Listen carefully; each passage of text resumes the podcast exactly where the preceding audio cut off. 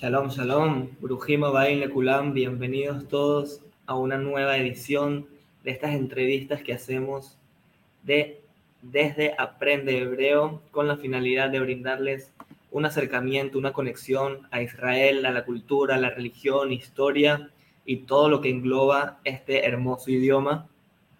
Hoy tenemos realmente un invitado muy especial.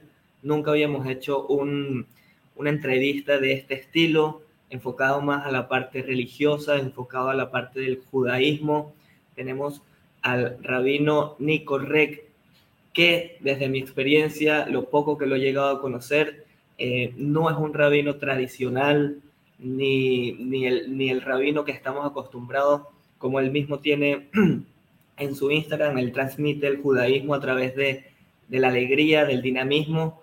Em, y bueno, sin mucho más preámbulos, me gustaría que lo escucharan directamente a él y que él nos conectara con esta hermosa, em, em, con Israel, con la cultura, con la religión y todo lo que abarca el idioma. Así que bueno, le damos la bienvenida a Nico. Hola, hola. ¿Cómo están? Shalom, shalom, Nico. Shalom, ¿cómo están todos por ahí, por, por, todo el mundo, por donde anden? Eso, a ver, a ver desde dónde nos están escuchando, sería... De todos lados. Pueden dejar su comentario. Eso, vayan escribiendo desde donde nos escuchan. Bueno, yo estoy en Argentina, quedó como claro, ¿no? Que soy argentino, se me nota en el hablar. Eh, y algo tal vez eh, eh, que puede ser, para empezar, es un poco, son mis orígenes. Mis orígenes vienen de, de una familia alemana, por todos mis abuelos que se escaparon de la guerra y que vinieron. Cuando yo era chico fui a un colegio alemán, acá en Buenos Aires, no fui a un colegio judío. Mi acercamiento al judaísmo tenía que ver con un club, sí que iba, pero que obviamente no tenía que ver con, con la religión, sino tal vez con un judaísmo, yo lo llamo acá como judíos normales, eh, que festejábamos Pesach, Rosh Hashanah, Yom Kippur, no iba al templo, no comía, no comía kasher, eh, no tenía mesuzá en, en mi casa, bueno, un judío común y corriente. Y, bueno, y, ya más grande, a los 25, pues ya tengo más de 25, les quería aclarar eso, eh, empecé a, conocer la vida comunitaria. Entré en una comunidad a trabajar como Madrid, sería como líder de grupos de, chicos, y el entrar a la comunidad me cambió la, la mirada del mundo, casi diríamos. Siempre me gustó la educación, me gustó la parte social, y empezó a, aflorar en mí también la parte religiosa. Bueno, hoy tengo, tengo tengo rastas, tengo todo. Claro, como, eso es lo que mencionaba de que no, es no eres un rabino tradicional. Claro, acá, por ahí, no, se un poco más cool. Como, como eh, bueno, digamos, sigo una línea de judaísmo liberal, eh, pero me gustan mucho las tradiciones y, las costumbres, intentando, como siempre tratamos en, casa, eh, de, tratar de respetar cada vez un poquitito más, porque sabemos que está bueno, nos hace bien. Tengo dos hijos, uno de tres años y una nena de, un varón de tres años y una nena de seis meses. Estoy casado, van a ser ahora en julio cuatro años. Eh, y así que es un poco la, introducción. Trabajo, soy rabino ahora. Eh, soy rabino hace casi cinco años y ahora estoy en Bialik de Devoto. Esta comunidad que justamente también es la comunidad donde yo empecé a ser Madrid, a ser líder y donde conocí la vida, sí, hoy me toca volver, por suerte, desde otro lugar como, como rabino y estoy muy contento por, por eso. Qué genial, genial, genial. Bueno, entonces, según lo que me haces entender, estás 100% inmerso dentro del judaísmo, con las tradiciones, con los rituales y todo lo que se eh, implementa en el judaísmo. Em, por ahí podríamos comenzar un poquito que nos cuentes y que nos familiarices un poco con el tema del Shabbat. Dale, perfecto. exactamente. Aprovechamos un breve segundito para, bueno, saludar a, Astrid, que escribe desde Colombia, Wilfred desde Honduras, em, desde Argentina, en Carolina, em, desde Estados Unidos, Carolina del Norte. Saludos a todos, toda, toda por estar acá acompañándonos.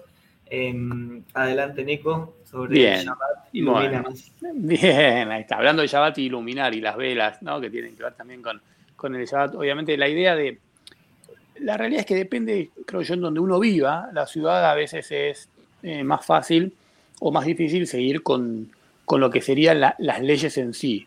Nosotros podemos ver al Shabbat por un lado desde lo legal, en el judaísmo, de las cosas que se pueden hacer, las que no se pueden hacer, y por el otro lado también desde lo espiritual o desde desde el, sentido, de darle un sentido al Shabbat como un sentido del día de, descanso.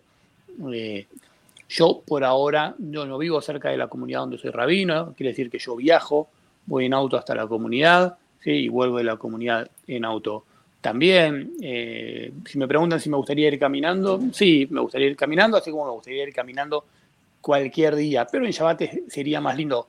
Tuve la suerte de estar bastante tiempo en Israel, en dos periodos, una vez siete meses, otra vez un año, y, sé lo que es poder caminar y vivirlo.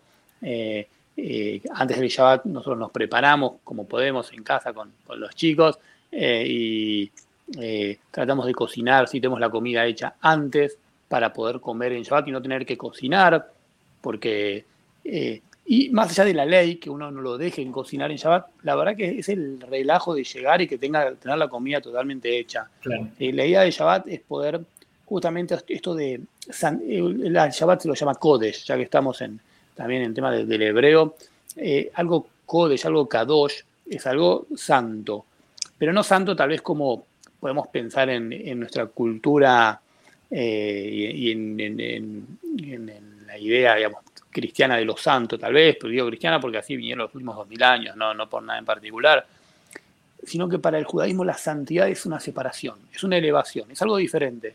Por eso el Shabbat es Kodesh y los otros días de la semana se llaman Hol.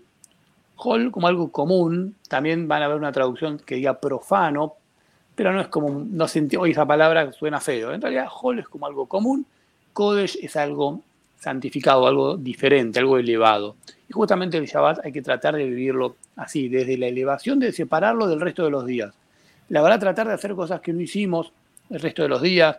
Por lo general nos cuesta descansar, entonces mientras más podamos descansar, creo que es importante poder tal vez eh, a aquellos que les gusta leer un libro que nunca leyeron, yéndonos de la ley, aquellos que tal vez no pueden en la semana relajarse y ver una serie, sí, también tomarse ese, ese, tiempo. Me parece muy importante los que puedan ir a una, a una sinagoga, los que puedan ir al templo a, a rezar, porque también eso eh, te es un momento para vos.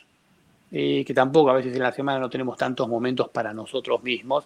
Entonces también agregarle todas estas cuestiones me parece que está, eh, que es muy, muy lindo y, muy interesante. Entonces hay que tratar de vivirlo realmente como un día diferente, el, el Shabbat. Entiendo que, eh, o como un poco de mi percepción es, como tú mencionabas, en parte es desconectarte de la rutina, de la cotidianidad y desconectarte de esa parte y conectarte con la parte espiritual y lograr esa conexión con, con Dios o con, bueno, el, como, con, uno mismo, tal vez. Eh. Con uno mismo, exactamente.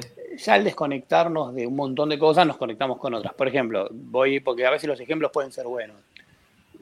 Yo estoy todo el tiempo con el teléfono y con Instagram mucho, arroba rabnicorrec, o sea, entran, van a ver, estoy ahí mucho y algo que no hago, yo tengo el teléfono prendido por el WhatsApp, por si me tienen que avisar algo, si no, no me desconecto de eso completamente. Mm, bueno, pero no entro en las redes sociales.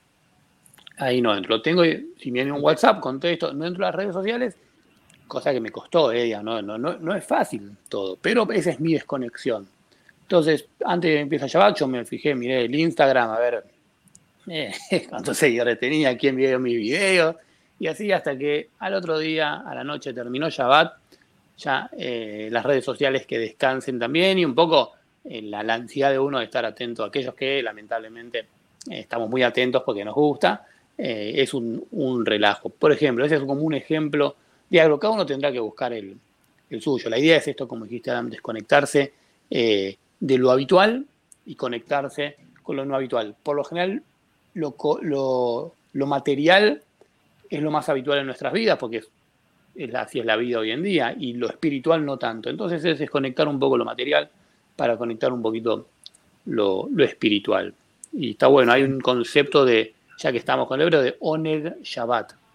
Oneg Shabbat, el disfrute del Shabbat es como un concepto y una idea y hasta como un precepto. Se dice que Oneg Shabbat es la siesta de Shabbat, lo que uno duerme después de, a la tarde de Shabbat, eh, porque ese es el disfrute. Entonces se busca este disfrute del Shabbat.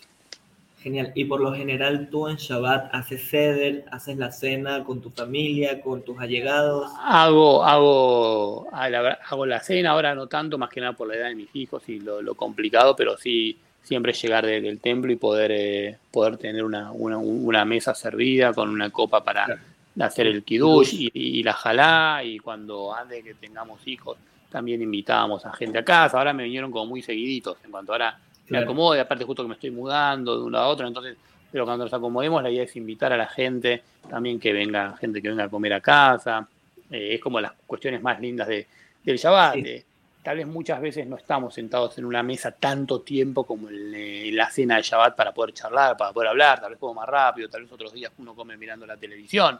Bueno, en Shabbat la idea es que todo eso no pase y que nos permita hablar más, cosa que hoy en día no se charla tanto, hasta estamos de repente dos en la misma mesa y cada uno está con su celular y, charlamos con otros que están en otros lados. Entonces, el Shabbat es volvernos un poquito a,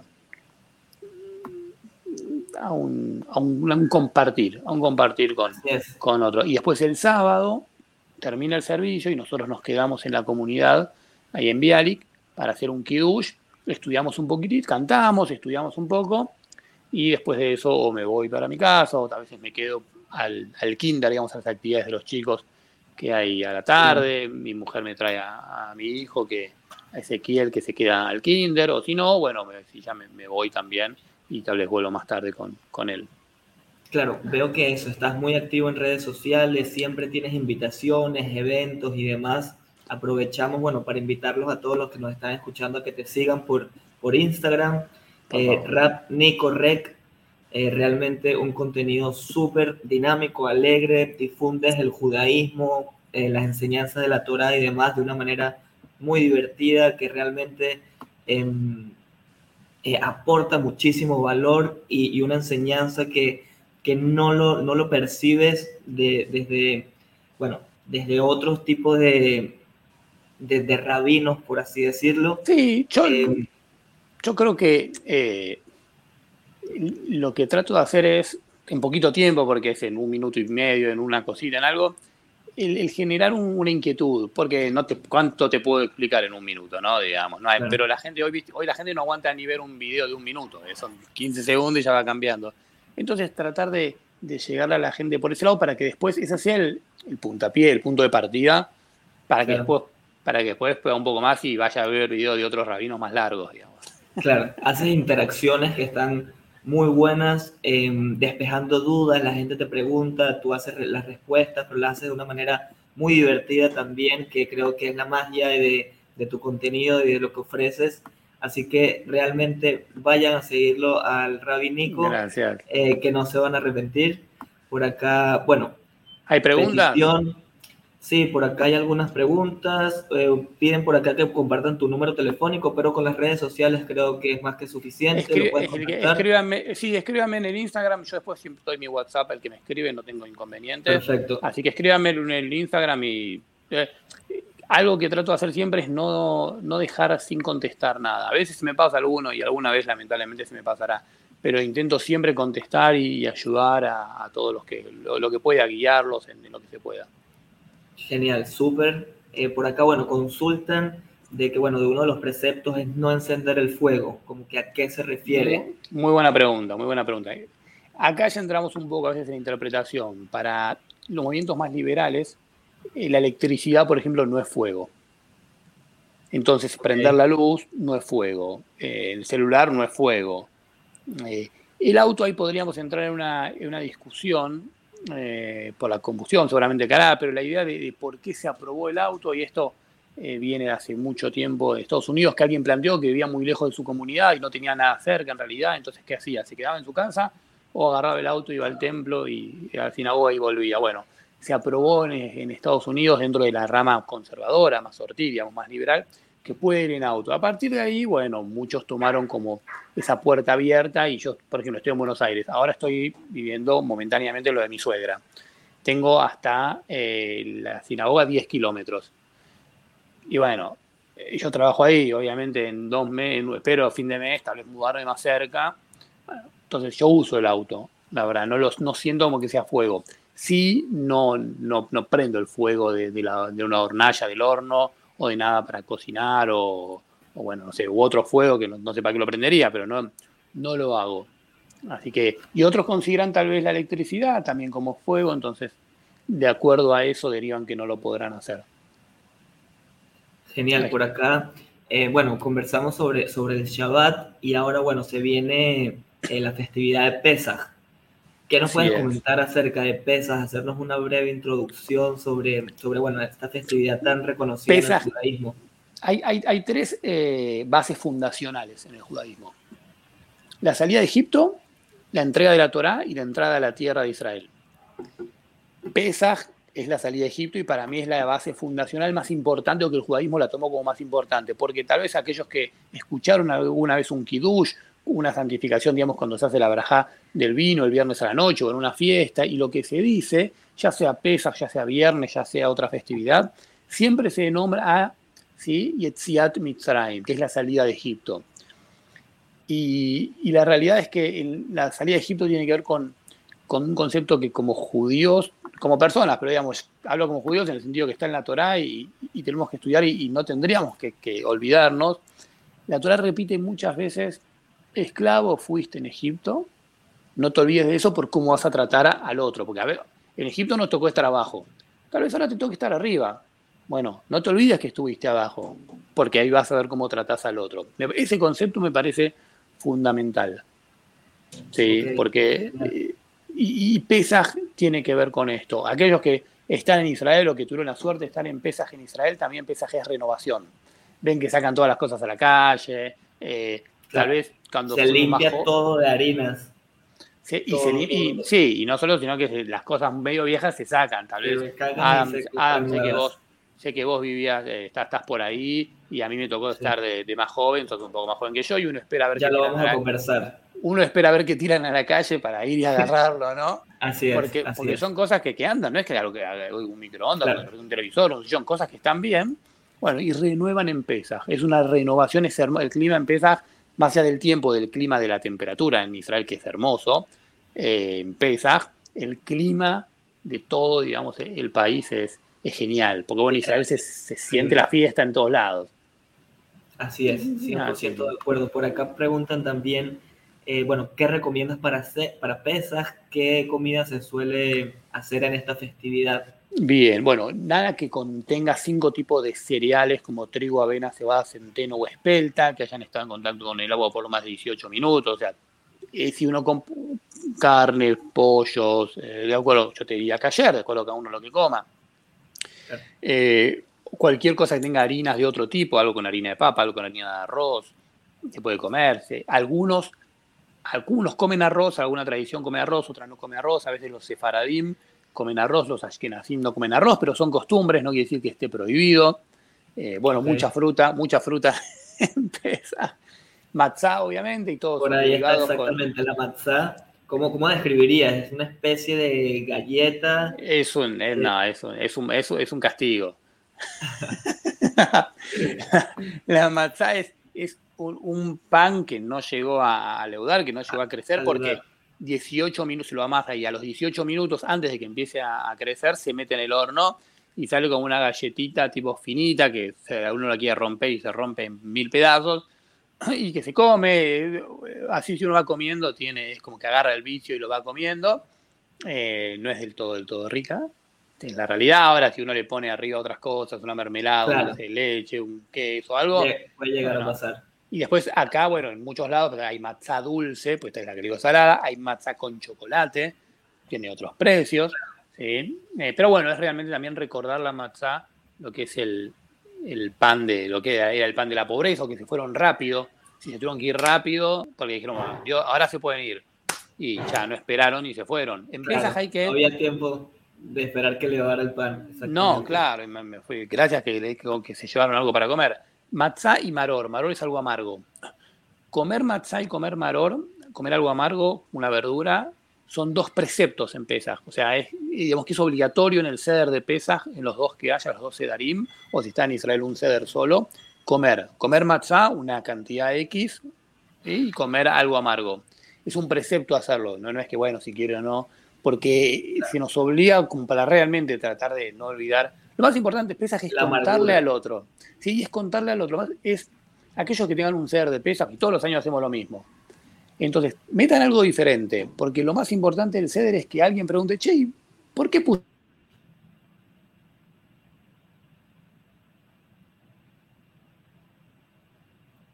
em, por acá se, tenemos un pequeño fallo. Perdón, que un llamado y lo corté. Ahí está, perdón. Ok, Ahora perfecto. Ahora volvemos. Entró un llamado y corté. No te preocupes. Todo ¿Se escucha? Fuerte y claro. Espera, porque yo no escucho. Uno, dos, tres. A ver, ¿me escucha? Yo no escucho. Yo te escucho. ¿Vos ¿no? Todavía. A ver, ahora. Aló, aló. Sí, ahora. ¿Me escuchas? Algo, Pablo. Deme un segundito. Sí, no te preocupes. Mientras tanto, bueno, seguimos acá con el Rabbi Nico Rec.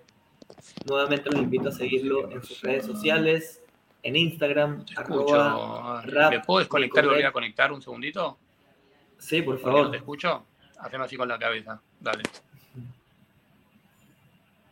Eh, bueno, mientras solucionamos este pequeño inconveniente técnico, em, les pido, bueno, si me confirman de que ustedes sí me están escuchando bien, estaría genial. Y bueno, seguimos acá. Ahora vamos a seguir conversando un poco más con el rabbi, bueno, sobre cómo difunde el, judaísmo, cómo lo interpreta, cuál es su visión. Por aquí aprovecho a responder algunas preguntas que preguntan ¿Qué día sería Shabbat en Colombia?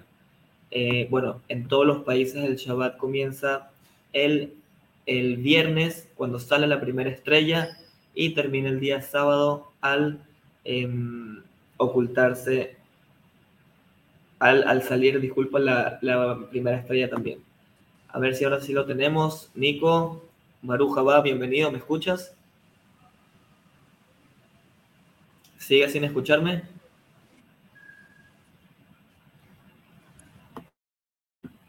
Aló, aló, aló.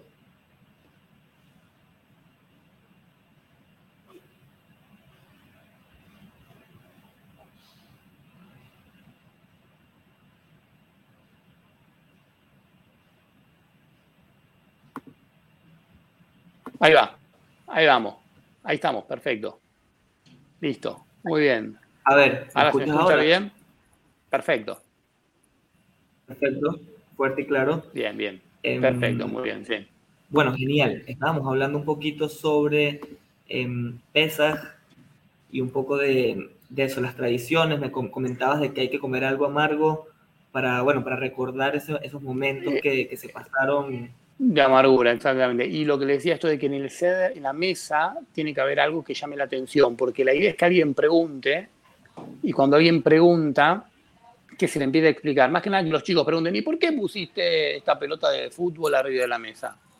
Y hay que no tenga nada que ver. Y uno dice, no, bueno, porque cuando los hebreos estaban en Egipto no tenían pelota de fútbol para jugar, en cambio los esclavizaban. No, digo, es generar la duda, es importante. Después de qué manera, casi como que no importa a veces. Tenemos un montón. El CEDER tiene muchas cosas que generan duda. Porque uno hace una cosa, hace la otra, rompe la matzá, eh, tiene una comida acá, tiene algo amargo, tiene una pata de pollo, tiene un huevo, tiene la manzana rayada, tiene un montón de símbolos que uno dice, ¿para qué están? Pero cuando ya uno lo vive muchas veces y tal vez ya lo sabe, bueno, entonces ahí uno eh, puede meter otras cosas que, hagan bien. Así que Así es. eso. Em, por acá dicen, comentan el ceder eh, debe celebrarse en el calendario judío el 15 del mes de Nisan, que en el calendario común coincide con el 15 de abril. Este año, no todos los este años. Este año, el viernes.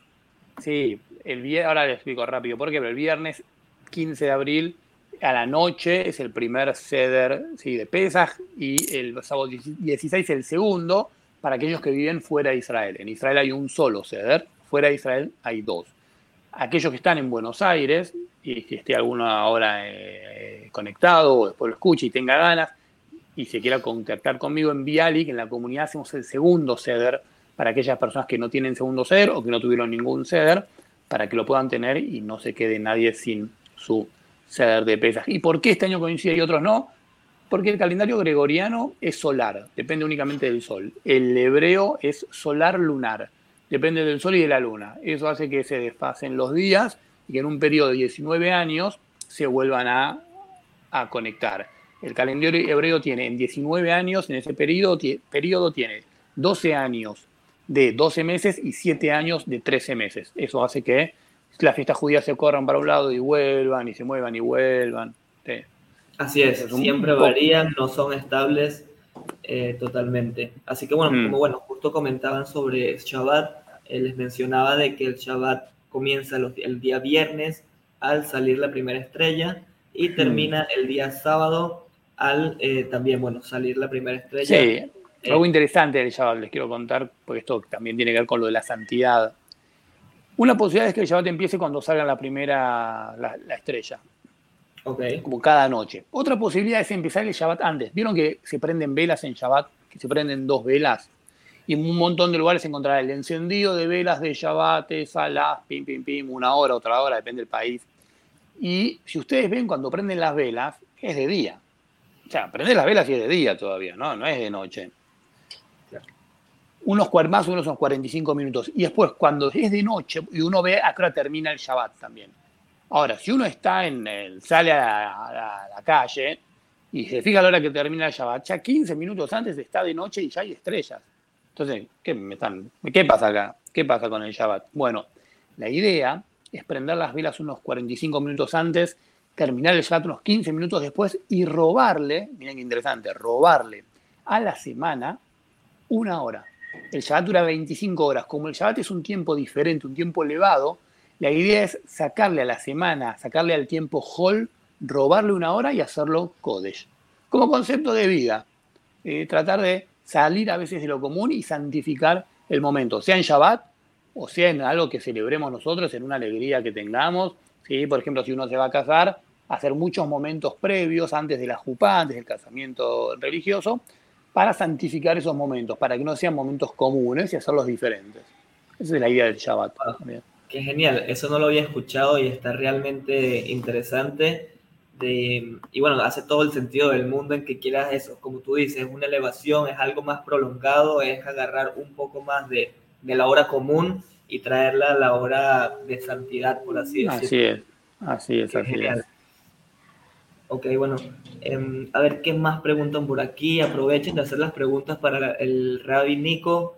Eh, que lo tenemos acá disponible para estar despejando todas las dudas que puedan llegar a tener. Em, dicen cómo entender las enseñanzas para el día de hoy de la Prashat de la Torah. Bueno, la Parashá, digamos, la Parashá es la sección semanal que se le cada la Torah se divide en secciones, que son Parashot. ¿sí? Parashá, una, más, dos o más, Parashot. Y si eh, son, eh, quienes escuchan un, algún sefaradí dirá la peraya. En vez de para allá dirá la peraya. También puede ser, Diferentes.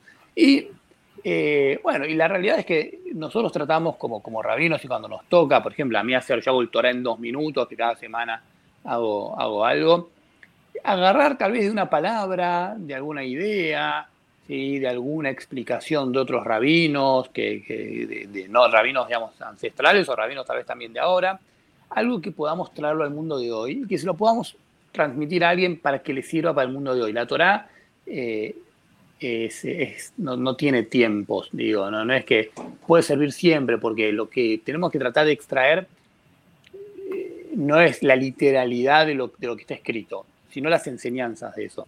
Yo siempre digo que lo que dice la Torah es verdad, pero no sé si pasó.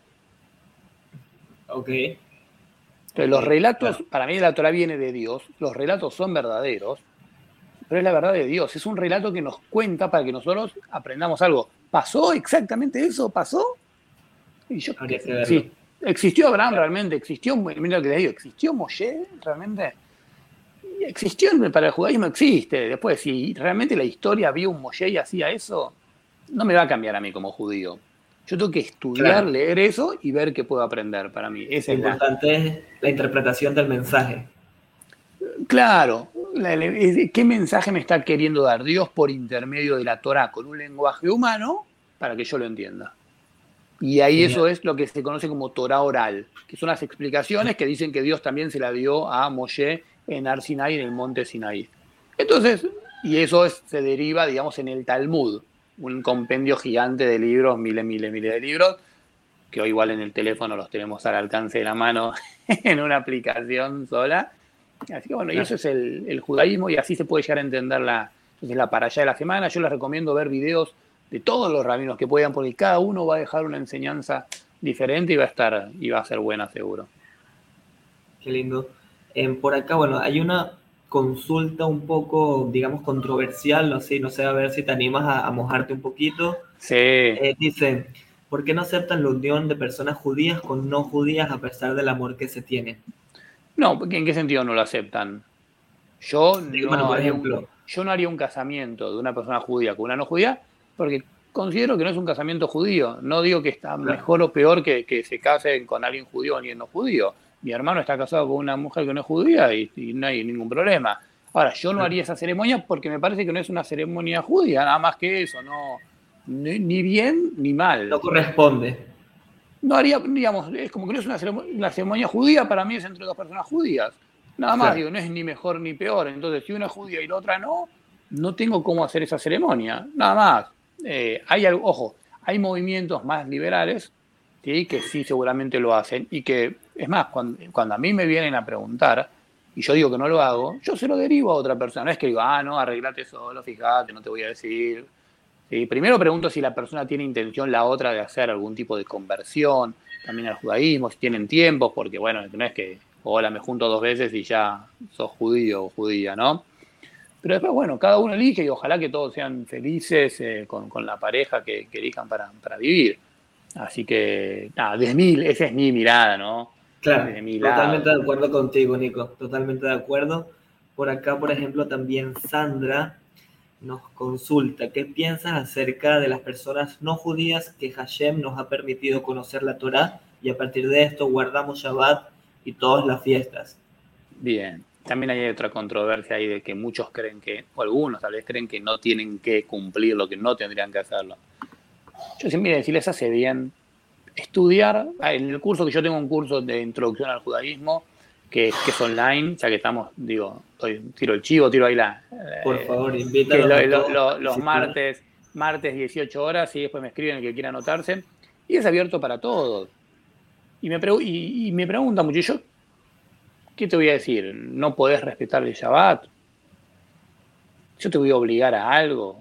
¿Quién soy yo? Pues, y quien, por más que yo te lo diga, digamos, que estoy hasta en otro país, que no vas a respetarlo, o sea, creo que las enseñanzas de la Torah, a mí me gusta lo que es bueno enseñarlo.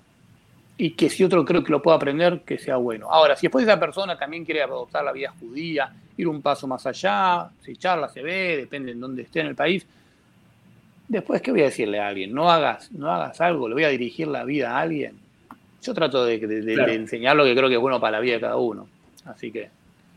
Eh, Estoy totalmente de acuerdo contigo. Bueno, por acá aprovecho para felicitar a Flor Saltov, que dice que está en proceso de conversión al judaísmo. Bien, Flor. Em, súper. Bueno, ahora me gustaría comenzar un poco, Nico, acerca, bueno, me comentabas sobre la experiencia que estuviste un par de veces en Israel.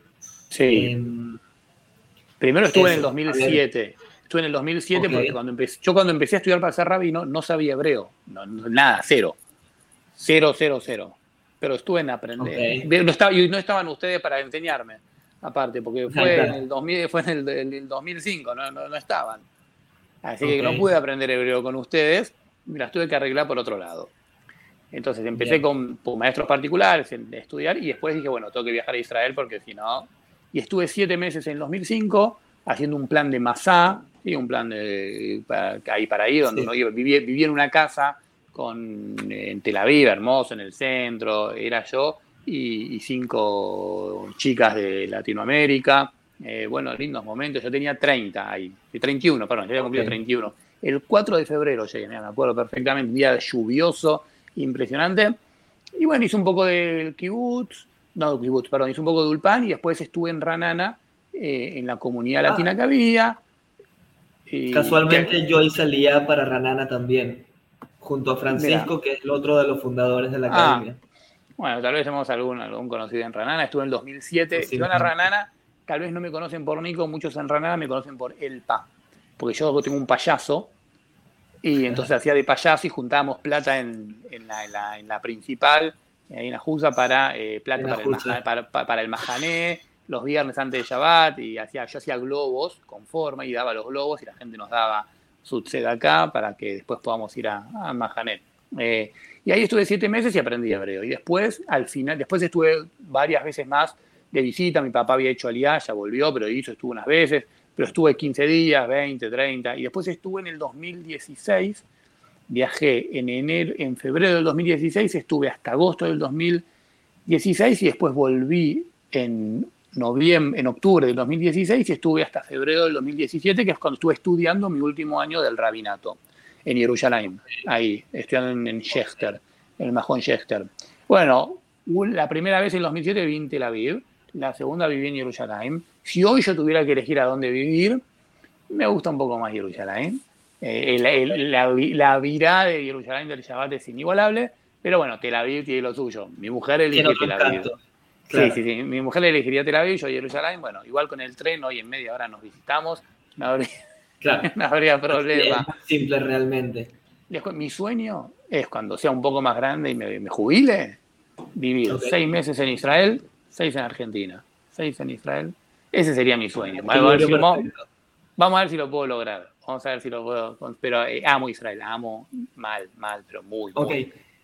Bueno, tuviste tiempo, bueno, estuviste en Tel Aviv, estuviste en Jerusalén. Imagino que recorriste por algún sitio más, que tuviste interacción con el israelí una pregunta muy frecuente en este ciclo de mm. entrevistas que hacemos es, em, ¿qué sientes tú que, digamos, alguna diferencia marcada, algún choque cultural que sentiste en, en, cuanto, bueno, a Argentina e Israel, que son los dos puntos de comparación? Sí, eh, más que nada cuando estudié, cuando estudié en Chester, ahí el último año tuve con algunos israelíes, no con muchos, pero cuando estamos entre latinoamericanos, nos, metemos entre nosotros, mucho también, pero sí tenía otros amigos que tenían y todos, digamos, dicen lo mismo, esto de que a, veces son por, por, fuera, ¿no? Como se lo llaman, sabra, que es muy, que es duro por fuera y es dulce. como un cactus, hay una comparación. Sí, exactamente, por, por dentro. Eh, siempre, la verdad, que tuve buenas experiencias. Hay dos o tres cosas que nunca me van a entrar en la cabeza que no tienen que ver con el israelí en sí, sino creo con el lugar en Medio Oriente, de por qué no hacen una fila, una cola para subir al colectivo, eh, digamos, autobús, ¿no? Esas cosas, pero bueno, esa, es justo. Eh, es la parte eh, cultural, es la parte de cómo, la forma de manejarse. Me acuerdo, me acuerdo que hice en el, ahí en el, en el, en el Bajón Chester hicimos un asado una vez, y entonces lo hice a la Argentina, y claro, le puse la carne y puse la, parrilla alta y dos horas haciéndolo. Y venían y miraban y decían, pero ¿cómo, cómo se hace?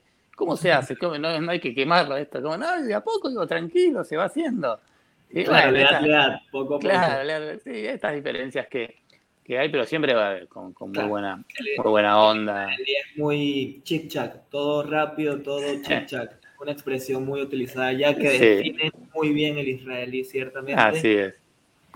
Em, y bueno, por ahí, no sé, me imagino que, que con Masá hicieron algún tipo de recorrido por, por Israel. Sí, bueno, no, y después fui como Madrid, también fui como Madrid de, de Taglit. Ah, ok, genial. También estuve en Madrid, casualmente, casualmente dimos, eh, ofrecíamos unas charlas para, los grupos de Taglit, eh, bueno, de emprendimiento y de innovación, hmm.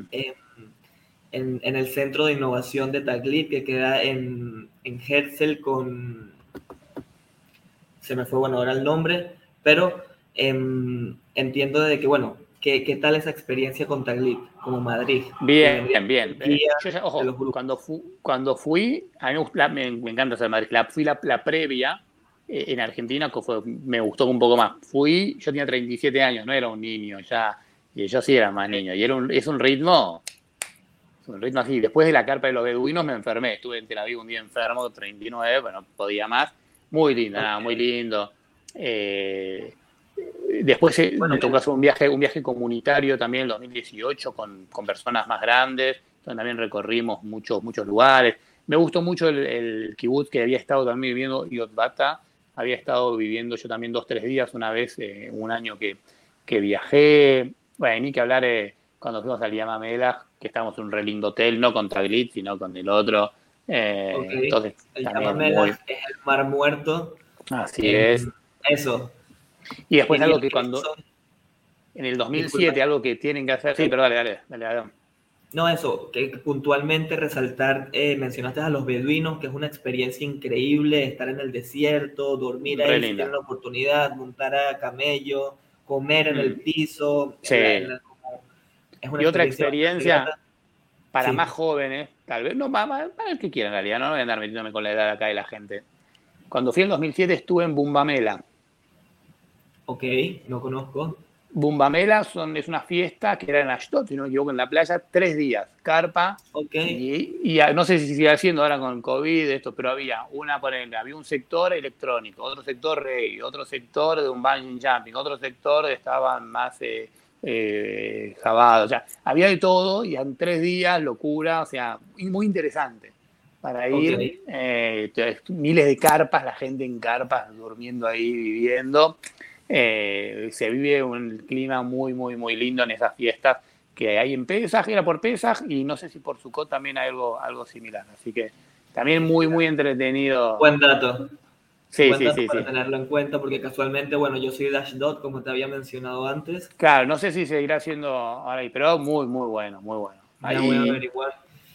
Eh, ¿Y qué, qué puedo, y qué más puedo? Ya para mí estar ahí en en Israel. Claro. Eh, me encanta. Y no la parte tanto del centro que es como más lío. Digo, yo por ejemplo, yo no soy un amante del cótel. No, a las, si las cosas no, no me. No es que. Eh, entiendo la importancia histórica, pero no es que llevo al cótel y me emociono, por ejemplo. No me pasa eso. Me emociono si estoy en Israel, pero no me emociono de repente estoy en el cótel en sí. Eh, nada, como cosas para, para contar y es muy lindo. ¿Qué opinas, ¿Qué opinas en Israel de esa, eso, esa multiculturalidad que existe, ese país que está... Y es genial. Es genial, porque uno aprende... Lo, cuando, donde más aprende es viajando. Y estando en un lugar donde hay gente de muchos lados del mundo, uno aprende un montón. La verdad que es, es, es muy importante, muy lindo. Muy lindo. Genial, genial. Por acá, bueno, pregunta Marcela, que es estudiante de la, de la academia. ¿Cómo podrías explicar brevemente el significado de Manishtana? El Manishtana es como la, una de la, base del relato de, de Pesas, de preguntar por qué esta noche es diferente del resto de las noches.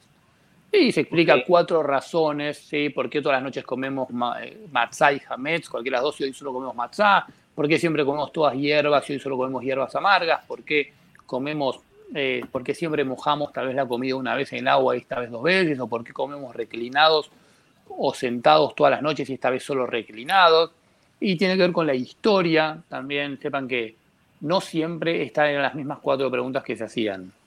En una época había, al principio, hace dos mil años, se hacía una que se preguntaba por qué se comen siempre comidas asadas al horno y hoy solo asadas. Pero bueno, esa no se hace más porque se perdió la ofrenda de pesas, que era la comida asada, ya no se hace más. Sí, pero es como la base de. Y es muy conocida porque lo hace más chiquitito de la familia. Las Fir Calles los conocen los que hablan en Yiddish. O las, las cuatro preguntas. Se canta, es muy entretenido. Así que es algo. Si uno tuviera que elegir de todo el relato qué hacer, tendría que hacer el Manishtana, por lo menos. Ok, me parece genial. Este, bueno, aprovechamos que estamos ya en los últimos minutos a que sigan haciendo las, las últimas preguntas para el Rabi. Aprovechen acá. Nuevamente los invito a seguirlo por Instagram. Aprovechen y disfruten del contenido tan entretenido y alegre que hace y cómo difunde el judaísmo y su forma de vivir el judaísmo es realmente especial. Entonces sería en Instagram arroba rap Rap Nicorrec. Acá lo bueno, ahí mi nombre está, mi nombre está Nicorrec ahí. Pero el de rap, porque hay otra que es Nicorrec que ya no la uso más, que es la con la que abrí, empecé a tener Instagram. Así que. Em, acá lo, lo mencionamos. Perfecto. Perfecto. Em, dice, no se escucha, ahora sí, perfecto, buenísimo. Em, bueno, no sé si tienes alguna otra. Bueno, acá tenemos una pregunta interesante. Al Shira pregunta: ¿por qué se pone el huevo en el plato del ceder? Siempre en el judaísmo hay más de una explicación, eso es lo más importante que hay que saber. Por ejemplo, ayer estuve en la escuela con los chicos de primer grado y la morá, la maestra, le enseñaba que el huevo duro es porque el corazón de Paró del faraón era duro y no quería dejar salir a los eh, hebreos de Egipto. Ahora, la realidad de por qué se pone el huevo duro es para recordar una ofrenda, que es una ofrenda, un corbán hagigá, una ofrenda de, por la fiesta. Después, obviamente, hay mucha relación con el huevo de Pascua. Pues Pascua pesa encima y que tiene que ver con el ciclo de la vida, con, ¿no? Entonces uno hace la relación Pascua, huevo, huevo en la que hará, qué onda, qué pasa. Bueno, eh, la explicación concreta es por la ofrenda, para recordar la ofrenda de Hagigá, la ofrenda de la fiesta. Otra explicación, el corazón duro de Paró, también puede ser. Súper, creo que Alshira, ahí tienes eh, una buena respuesta concreta a la pregunta que hacías. Cualquier pregunta que tengan, cualquier duda, obviamente me escriben y yo se les contesto todo lo que pueda. Ahí va, mira, por aquí dicen alguna pequeña historia, anécdota, algo para antes de despedirte. que Bueno, rápido, una historia muy rápida cuento y con esta Dale, pues. Sí, cuentan que en un pueblito, en un pueblito chiquitito, donde había gente en la sinagoga y siempre en la sinagoga hay uno que se, que se dormía. Justamente el que se dormía era el señor más rico de todo el pueblo. ¿Y qué más plata tenía? Y estaba así medio dormido y de repente medio que se despierta, que no sabe, y en la Torah están leyendo que dice que hay que traer 12 panes para Dios. Él después termina el servicio y no sabe si fue que se durmió, que se lo dijo Dios, no sabe qué, pero dice, bueno, por las dudas termina el Shabbat, voy a hacer los 12 panes y los voy a llevar para Dios, porque así lo decía la Torah. Hace los 12 panes, cuando termina Shabbat los lleva a la sinagoga y dice, ¿dónde lo dejo? ¿Dónde lo dejo? ¿Dónde lo dejo?